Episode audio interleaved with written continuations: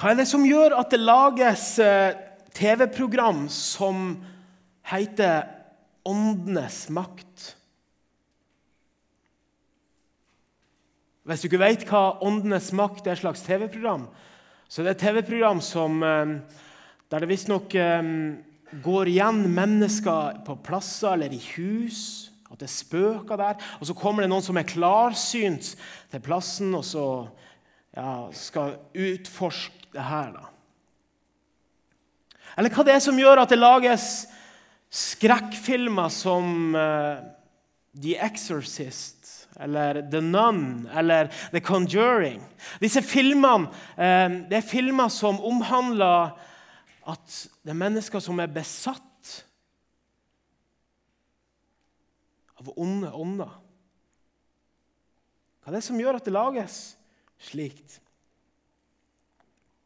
Jeg vet ikke hva du tror, men jeg tror i hvert fall det at de som lager slikt, eller lager en slik underholdning Jeg tror ikke det kun er oppspinn de kommer med når de lager slike ting. Jo, så klart er det mye ting som er oppspinn, mye ting som er, som er laga. Men for eksempel, da, ta, la oss ta The Exorcist. Det handler om ei som er besatt. Så tror jeg faktisk at det går an at mennesker kan bli besatt av onde ånder. Eller at det går igjen mennesker på plasser eller i hus jeg tror ikke på at det går igjen mennesker, men jeg tror på at det kan være ånder på en plass, i et hus eller på en, et sted som utgir seg for å være mennesker, eller utgir seg for å være mennesker som har levd. For jeg tror på at det ikke bare er det som vi ser med øynene, men jeg tror på også at det er en åndelig verden. Bibelen. I Bibelen er det ganske tydelig at det finnes en åndelig verden, der det står mange ganger om mennesker som var besatt, var besatt av onde ånder. Og jeg tror at Slik som det var på, på den tida, slik er det i dag også.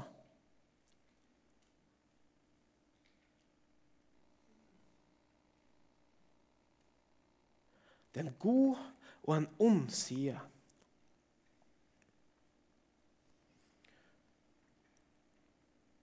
Eller der vi hører om engler.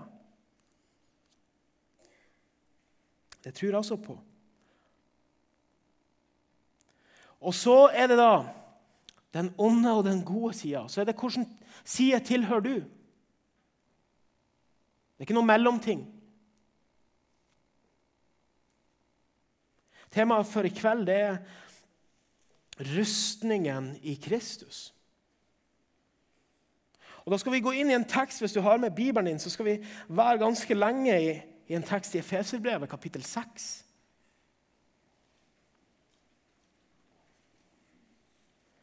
Og i den teksten så står det instruksene, så står det hvordan, hvordan kristne, de kristne som vil tilhøre den gode sida, skal gjøre. Ikke bare den som levde i Efesus, men også til oss her som er her i kveld. Og Det er fra Efeserbrevet kapittel 6 og fra vers 10. Og Det er om Guds fulle rustning. Og en rustning det, jo noe som, det er jo noe som noen kler på seg når noen skal ut i krig. Så Jeg vet ikke om det er så mange her inne som har kledd på seg en rustning, eller, eller bruker å kle på seg en rustning, eller jeg vet hvordan en rustning ser ut. Eller om det er mange her som tenker at de er i krig. Men det er faktisk det. Det er en åndelig krig. Det er en åndelig krig som ikke vi ser med øynene våre. Og Det er faktisk en åndelig krig her inne i kveld, nå, akkurat nå. Og i Den krigen den består i at det er en som vil at du skal høre sannheten. Og så er det fienden som vil at du ikke skal høre sannheten.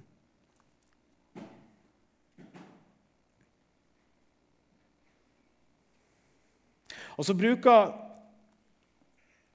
Paulus det bildet Han bruker en romersk rustning til et bilde. Kanskje et bilde for å hjelpe oss til å forstå eller hjelpe oss til å huske hva rustningen, hva det Guds fulle rustning består i. Hvordan rustningen som vi skal kle oss med for å kan stå i denne krigen, i denne åndelige krigen.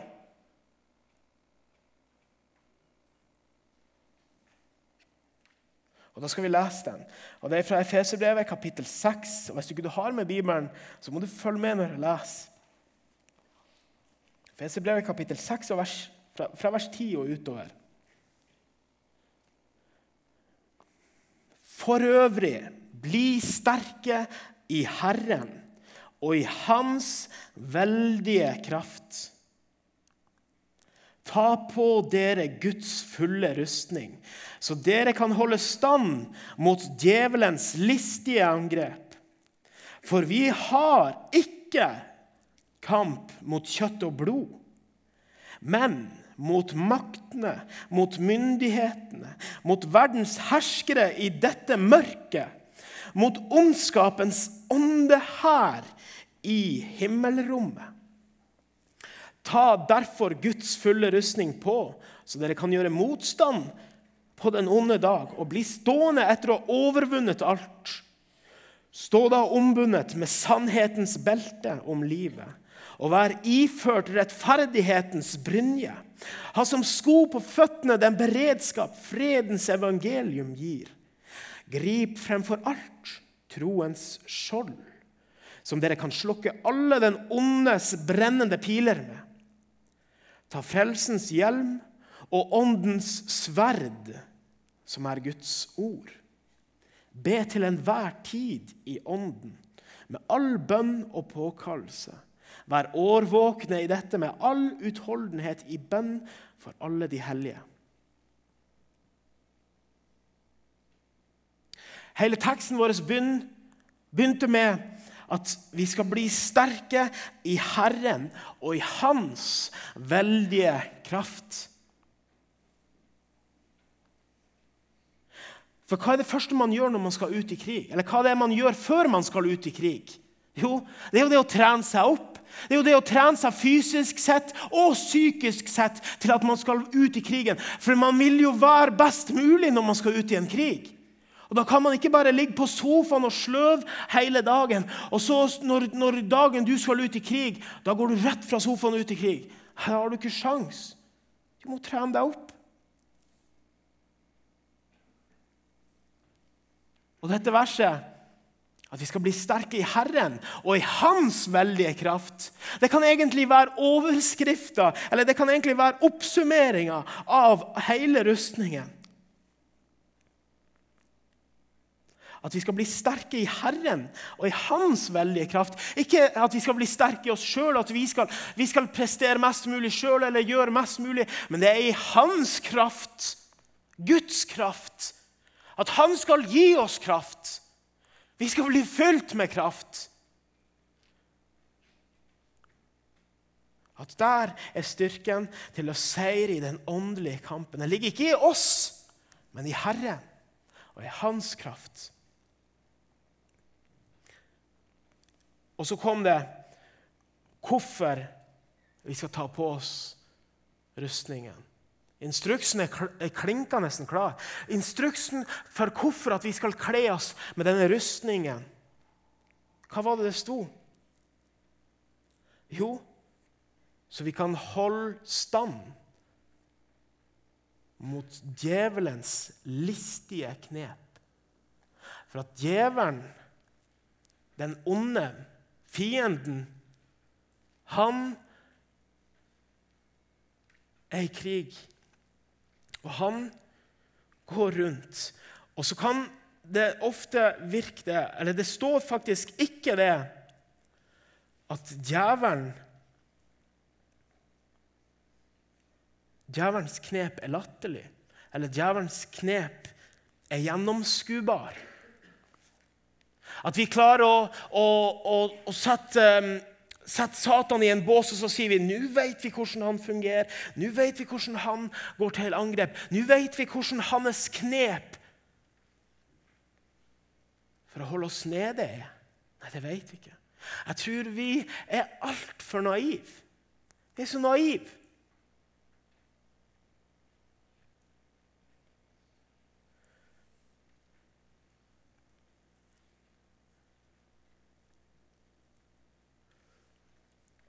At vi lever i troen på at når vi har tatt vår tilflukt til Jesus, så kommer vi aldri til å bli angrepet.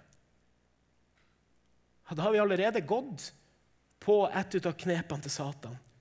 For Det er det han vil at vi skal tro. Han vil at vi skal tro at vi kommer aldri til å bli angrepet.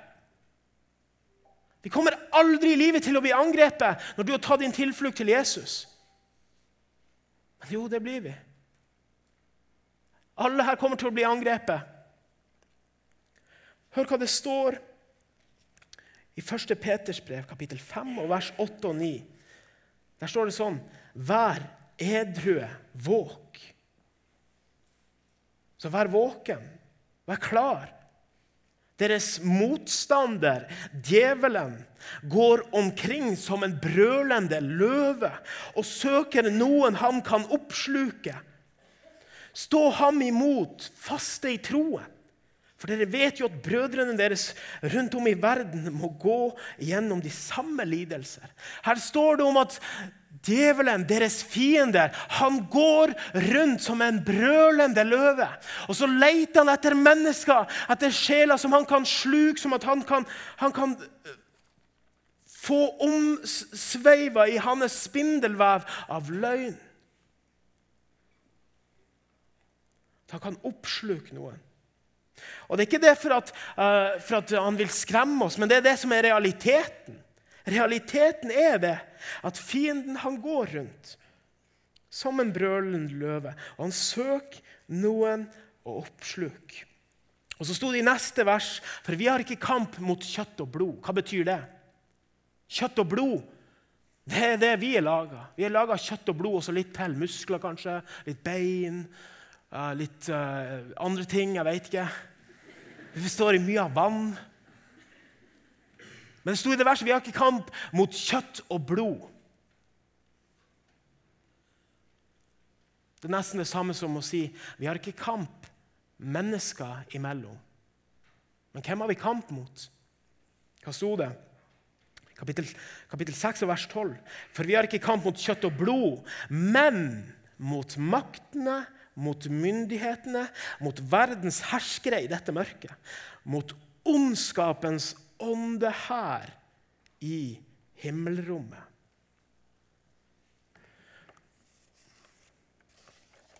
Og det som er, alle her inne, er inkludert, har eller har noen som vi ikke liker. Noen mennesker som vi ikke kan fordra. Kanskje det er pga. at noen mennesker har gjort, uh, gjort ondt imot deg. Vært slem mot deg. Sagt noe stygt om deg bak din rygg, eller mobba deg, eller, eller hva det er. Kanskje noen har slått deg. Kanskje til og med noen i nær familie har vært stygg mot deg.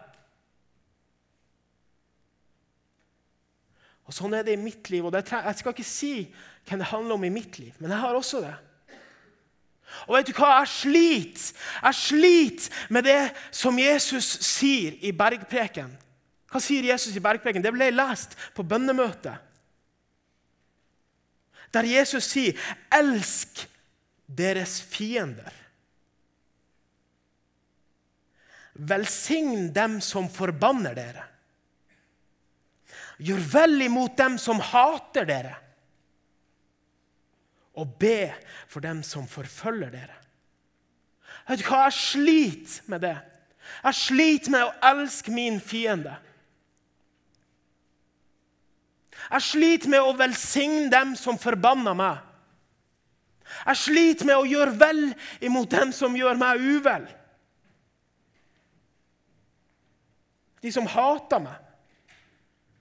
Og du har sikkert også det. Og vet du hva dette verset dette sier noe som kan være med og hjelpe å forstå. Og det kan være med å flytte hatet og flytte um, stygge tanker fra mennesker over på fienden. Og Da har det blitt sånn for meg, de personene som jeg tenker på Som jeg kan kjempe med tanken at jeg, at jeg hater de, eller at jeg misliker de sterkt. Da er det det som står i dette verset. Vi har kamp mot ondskapens ånde her i himmelrommet. Og Da kommer den åndelige verden inn i bildet. For det som er keisen, da, det er at de menneskene som vi tror at er våre fiender. Det er ikke de som er våre fiender, men det er de åndene som har fått lov til å spinne dem inn i løgn og, og, bedrag. For hva står det om Satan? Jo, det står at han er en løgner. Han er løgnens far. Han er bare ute etter å plage, myrde og ødelegge. Så da Hvis det er mennesker i ditt liv som, som, som eh, du kan dra kjensel på disse kjennetegnene Plag, myrd, ødelegg, lyg. Vet du hvem du skal være sur på da? Vet du hvem du skal hate da?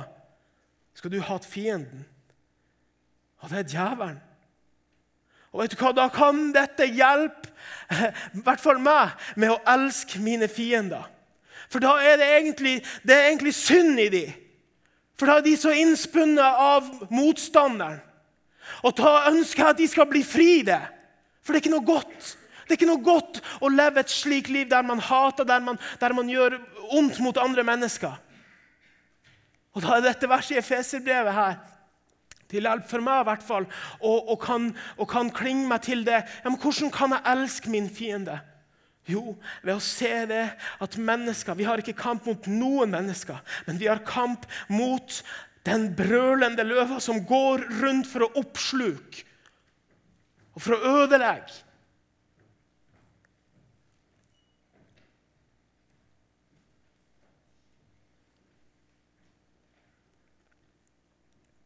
Så Det håper jeg at du kan få lov til å huske på og ta med deg. Vi har ikke kamp mot kjøtt og blod. Men vi har kamp mot ondskapens ånde her i himmelrommet. Og så kommer, Vi blir å gå gjennom hvert vers egentlig i denne teksten. Så står det i neste vers, eh, i vers 13 Ta derfor Guds fulle rustning på, så dere kan gjøre motstand på den onde dag og bli stående etter å ha overvunnet alt. Her blir vi igjen oppfordra til å ta på oss Guds fulle rustning. Så vi kan gjøre motstand på den onde dag og bli stående etter å ha overvunnet alt. Og Vi skal ikke bruke så mye tid på det, for vi har allerede gått gjennom i, i, i, vers 11, der det sto at vi skulle ta på oss Guds fulle rustning, så vi kunne holde stand mot djevelens listige knep. Men det at vi skal, eh, sånn at vi kan bli stående på den onde dag, det kan, det kan tyde på at det er når Satan slippes løs eh, i endetida, og, og forfølgelsen og motstand skal bli enda kraftigere. Eller så kan det også tyde på at den onde dag det betyr hver eneste dag. Hver eneste dag der vi blir frista, der vi blir prøva, og der vi må kjempe for å holde oss unna Og så kommer vi endelig til rustningen. Nå skal vi gå gjennom rustningen. Hva består rustningen i? Vers 14. Det begynner så Stå da ombundet med sannhetens belte om livet. I en romersk rustning så var det gjerne beltet en tok på først. Beltet, og Så kunne henge noen sånn lærreimer ned for å beskytte de nedre delene av kroppen. Beltet. Og hva står det i teksten? Sannhetens belte sannheten. Hva sa Jesus om seg sjøl? Jesus sa, 'Jeg er sannheten og livet'. Det er veien og sannheten og livet. Jesus er sannheten. Og Jesus, han taler sannheten. Jesus han taler sannheten om seg sjøl, hvem han er. Når han kom til de som liksom skulle ta imot ham, de som var um, um, Israel eller jødefolket, så sa han hvem han var.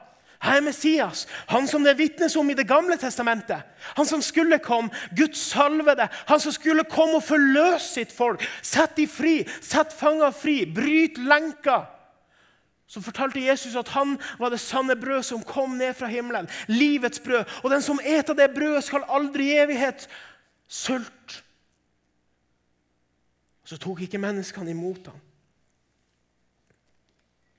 så sa Jesus sannheten. Han sa Jesus sannheten om seg sjøl, og så sa han sannheten om oss. Og Det er det som kan være keisen, det som kan svi noen ganger, det som kan gjøre litt vondt noen ganger. At det river litt i hjertet. Når sannheten får komme oss for øre. At vi får høre det. At vi har ikke et oppgjort forhold fremfor Gud. Vi er fortapt. Men så kommer Jesus med sannheten. At Jesus er den som kom for den fortapte. Jesus kom for den som, som ikke fikk det til. At han er sannheten.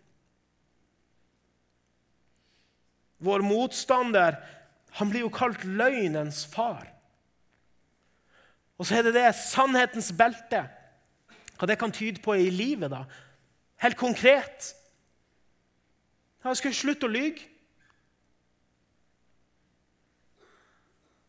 Hvis vi lyver, så taler vi jo saken til motstanderen, for motstanderen han er jo løgnens far. Og så kommer det rettferdighetens brynje. Vær iført rettferdighetens brynje. En brynje er jo noe som var for å beskytte overkroppen og de vitale organene. Både bak og, og, og fremme. Beskyttelse her. Og Det som var med brynjen i den romerske rustningen, det var at den var fundament, den var, den var øh, det ankra i beltet. Så Først så tok de på seg beltet, og så tok de på seg brynjen. Og så var brynjen festa i beltet. For når de skulle ut i krig, så var det kanskje sånn at ja, men hvis brynjen detter av, da er de helt forsvarsløse i de vitale organene. Nei, den var ankra i, i, beltet. Brynjen var ankra i, i beltet. Rettferdigheten var ankra i sannheten.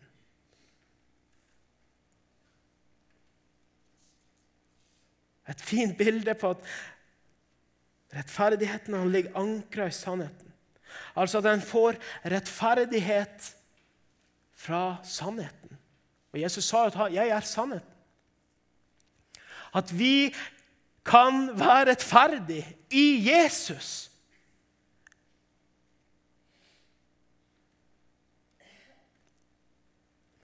For hvordan står det til med din rettferdighet? Er du rettferdig? Om vi spør noen i Norge, for eksempel, så vil flesteparten si at de, de, er gode mennesker. De er ganske gode mennesker. Og vet du hva, jeg tror faktisk Hvis du spør en drapsmann, eller hvis du spør en voldtektsmann, eller hvis du spør en hvilken som helst kjeltring Er du rettferdig? Så tror jeg mange av de kommer også til å svare jeg er jo god, jeg gjør jo gode ting. og er jo slags, er jo slags rettferdig. Men Bibelen den sier noe annet. I Romerbrevet 3, kapittel, nei, i kapittel 3 vers 10 det er ikke én rettferdig. Ikke en eneste. Ikke en som er rettferdig. Ikke en eneste. Det er kun Jesus. Det er kun Jesus. Rettferdigheten ligger ankra i sannheten, som er Guds ord, som er Jesus. Det er han som er den rettferdige. Og så kan vi få lov til å ikle oss hans rettferdighet. Jesus sin rettferdighet kan vi få lov til å ikle oss hver dag. Også når Satan kommer med løgn og sier det at du er ikke rettferdig, så kan du henvise til Bibelen. Jo, jeg er rettferdig i Kristus. I Jesus er jeg rettferdig, ikke i meg sjøl. Da lever du i lyset. Da sier du sannheten rett ut til den onde, og da må han vike. Jeg er rettferdig. For jeg taler sannheten og jeg er Jesu rettferdighet. Han som aldri synder, han som aldri falt.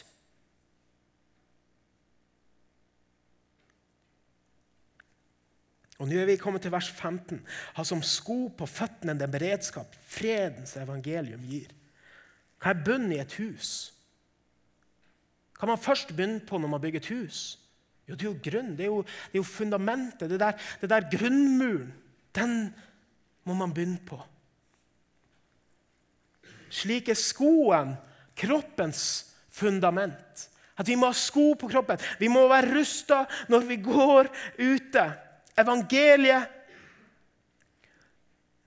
er til hjelp for oss hvor enn vi går, og hvor hardt det enn raser rundt oss. Så er, er vi fundament, fundamentet vårt er i evangeliet. Evangeliet om det, det, gode budskapet om at vi kan eie fred med Gud i Jesus. Og vi kan være rettferdige fremfor Gud i Jesus fordi vi har kledd oss i hans rettferdighet. Ikke i min rettferdighet. Jeg har gitt opp. Jeg overgir meg. Og så kan vi eie fred. Fredens evangelium gir det. Og Så kommer vi til vers 16. Og Der sto det 'Grip fremfor alt troens skjold'. Et romersk skjold det var 75 cm bredt. Og så var det kanskje 120, 120 cm langt. Så langt herifra opp hit. Kanskje sånn her bredt. Så det dekte liksom hele kroppen hvis du satte deg ned sånn. Du, troens skjold. Troen. Hvordan får vi tro? Hvordan skapes en tro? Jo, det er Gud som skaper i oss. Det er Gud som skaper i meg, og det er Gud som skaper i deg. Det står i romerbrevet også så kommer da troen av forkynnelsen som en hører. Og forkynnelsen som en hører, kommer ved Kristi ord. Og vet du hva jeg var? Eh, i, I noen år så var jeg konfirmantlærer. Og Da skulle jeg ha undervisning til konfirmantene. Og Så skulle vi ut på en sånn reise. Vi skulle ut til der den ene konfirmanten var fra. Sør-Arnøy. Det er ei øy utenfor Bodø. Og så var Temaet for denne undervisninga som jeg skulle ha, det var Bibelen. Guds ord, Bibelen. Og så det, hadde jeg forberedt meg i forkant og funnet ut hvilke ting vi skulle lese fra i Bibelen. Og så var dette en av plassene vi skulle lese i, fra i Bibelen. Og så hadde jeg forberedt meg hva jeg skulle si ut fra disse versene fra Efesebrevet kapittel 6. Og så når vi kom til dette verset, og det verset under Så satt vi der ute på Sør-Arnøy, og så var det som om Gud tok meg med hjem på gutterommet mitt der jeg vokste opp. Og Hjemme på gutterommet mitt der eh, Jeg var en gamer eh, i gamle dager. Jeg gama mye. Så den pappaen hadde bygd en svær sånn pult langs hele veggen på rommet mitt, så at jeg, jeg kunne få kamerater på besøk som tok med seg PC-en til meg, og så hadde vi LAN. De kom på LAN til meg. Pappa hadde bygd svær, en svær LAN-pult Og så ser jeg den pulten og så ser jeg datamaskinen der, der, der jeg bruker jeg, jeg, vet ikke hvor mange tusen timer jeg har brukt på den datamaskinen inn på det rommet der. Men så over der så henger det ei hylle. Og på den hylla så lå Bibelen min. Den Bibelen som jeg har fått av mamma og pappa i bursdagsgave ett år. En skinnbibel. Det sto faktisk inngradert navnet mitt i skinnbibelen min. Og så husker jeg når jeg så den bibelen, så husker jeg tankene tilbake når jeg fikk den bibelen. Og Da var jeg skuffa. Det var ikke det jeg ville ha. Hva skulle med en bibel? Det er så dønn kjedelig, det som står i den boka. Så husker jeg skamma meg. Men det var ikke det som var. Men i, det, i der, der Gud tok meg med på gutterommet, så lå Bibelen der. Det var så tjukt med støv oppå Bibelen. Det var kanskje en centimeter med støv oppå Bibelen. Vi nordlendinger vi tar jo ganske kraftig i når vi snakker. Men, men, det var mye støv på Bibelen. Og hva betyr det, da? Eller hva sier det? Du sier det at Bibelen var ikke åpna. Bibelen var ikke åpna. Og, og, da fikk jeg også se i det synet, i, i, den, i, den, tidsperioden fra da og utover i ungdomsårene, der jeg levde Og det har jeg sagt tidligere, men hvis ikke du var her, så levde jeg i, i sus og dus der jeg var ute på fylla. Jeg hadde ikke kontroll over inntaket av alkohol, så jeg drakk meg helt blackout. Hadde ingen kontroll. Og gjorde masse ting som jeg angra på i fylla. Var med i slåsskamp. Flere slåsskamper var jeg med i. Så våkna jeg opp og at jeg huska ikke det engang. Våkna opp med oppskrapa ansikt, visste ikke hva som hadde skjedd. Hadde ingen kontroll. Og I den tida der, der jeg var avhengig av pornografi, skamma meg over det, men jeg klarte ikke å komme meg ut av det. Og så gikk det opp et sånn lys for meg når vi leste disse ordene. At troens skjold var ikke til stede. Fordi Bibelen var nedstøva. Der står at troen kommer ved forkynnelsen av ordet. Og forkynnelsen av ordet det er jo Kristi ord, det som står i Bibelen. Og Da vokser troen, og da vokser skjoldet. Og da kan du stå imot når Satan sender piler for å holde deg nede. For det var det han gjorde. Satan holdt meg nede i mismot, og at jeg fikk ikke det til. Jeg, hvordan kunne jeg være kristen når jeg levde slik? Og Takk og lov at det var noen som reiste rundt og, fortalte og fra ordet. Og Så begynte en tro å vokse. Det begynte å skje noe. Og det begynte å skje noe, og så begynte sannheten å komme. Noen sa sannheten.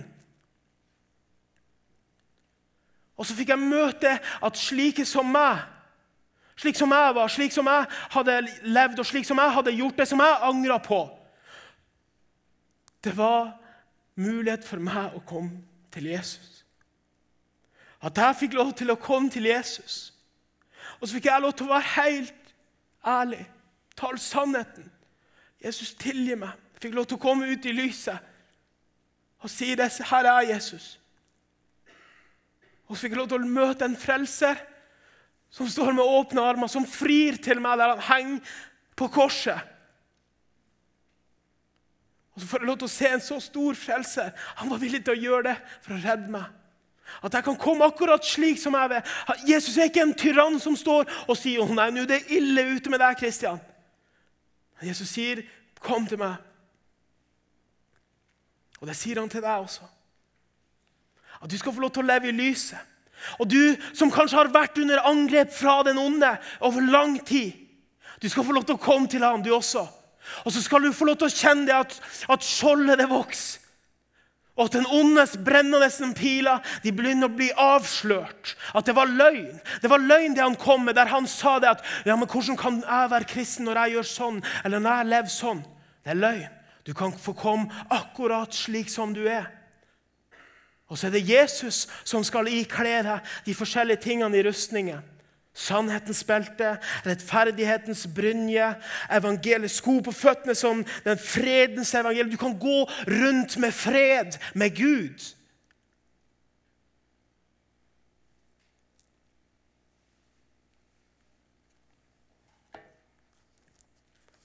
Vi skal gripe frem for alt troens skjold.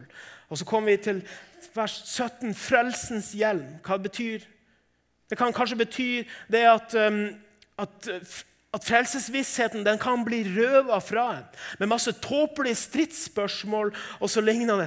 Vi skal ikke ha en frelsens hjelm, at det ikke blir noe angrep mot hodet eller tankene eller, eller det som kan ta oss vekk ut av frelsen som vi eier i Jesus.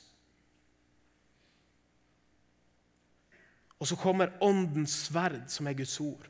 Det er den sjette og den siste delen i rustningen. Og vet du hva? Den eneste delen i rustningen som er et, et, våpen som ikke er forsvar. Alle disse andre tingene det er når det kommer angrep mot oss.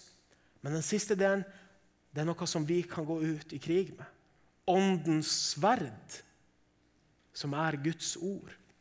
Når Jesus ble frista i ørkenen, når Satan kom og frista Jesus i ørkenen, vet du hva som skjedde da? Jo, da kom Satan med et par fristelser. Og så vet du hva Jesus svarte med da? Det står skrevet. det står skrevet i Bibelen. Satan kom og sa det. Ja, Hvis du er Guds sønn, så kan du gjøre disse steinene her om til brød. Så sier Jesus, Det står skrevet mennesker lever ikke av brød alene, men av hvert ord som går ut av Guds munn. Og Så står det også at Satan tok ham med opp på et av hjørnene. Og så sa han Kast deg utfor her, sa Satan. Og vet du hva Satan sa? For det står skrevet. Satan kan Bibelen. Satan kan Skriften. Men det som han gjør, det er at han plukker og mikser. Så setter han det sammen. Men så får han til svar det står også skrevet. Skal ikke friste Herren din Gud. Og Det er det som er når Satan kommer. Hvis ikke vi kan Bibelen, hvordan kan vi stå han imot? Hvordan kan vi kjempe mot han? Åndens sverd, som er Guds ord. Og så det siste verset. Jeg vet ikke hvor lenge jeg preika nå. Men siste verset, vers 18. Bønn. Det var noe å be til enhver tid i ånden. Be til en, Jeg vet ikke om du ber, men jeg skal love deg det at det er en åndskamp når det gjelder å be. Det er en åndskamp når det gjelder å lese Bibelen, og det er i hvert fall en åndskamp når det gjelder å be. Det sto i Bibelen 'be til enhver tid i ånden', med all bønn og påkallelse. Vær årvåkne i dette med all utholdenhet i bønn for alle de hellige. Hvor skal vi egentlig begynne når det, når det tales om bønn?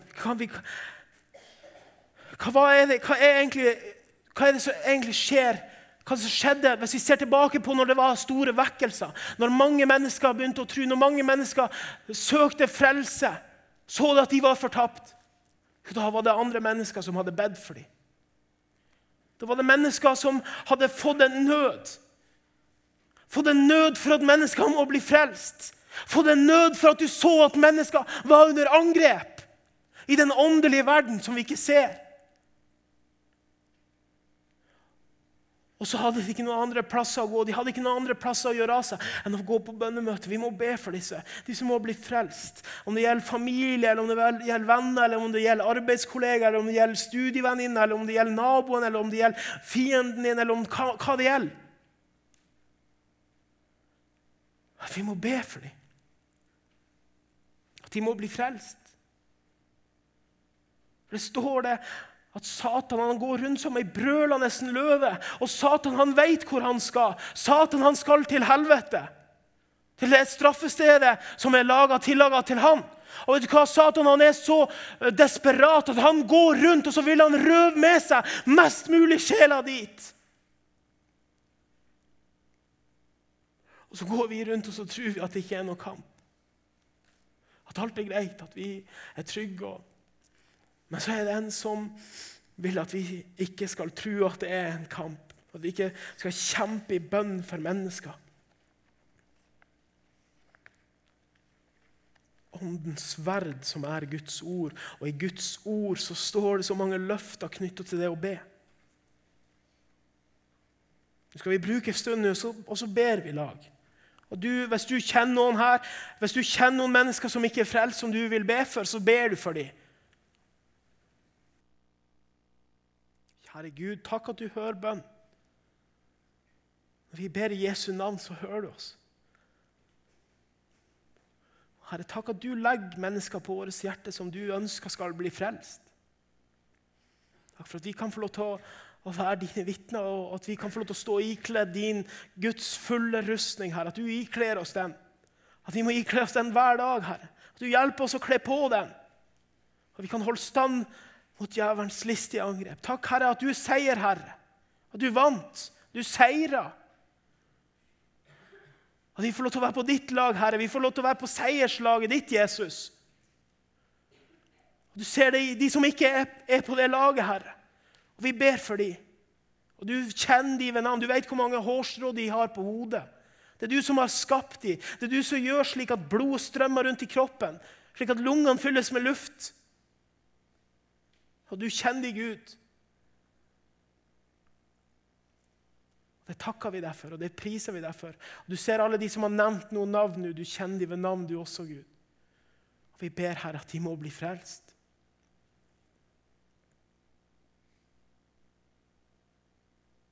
Amen.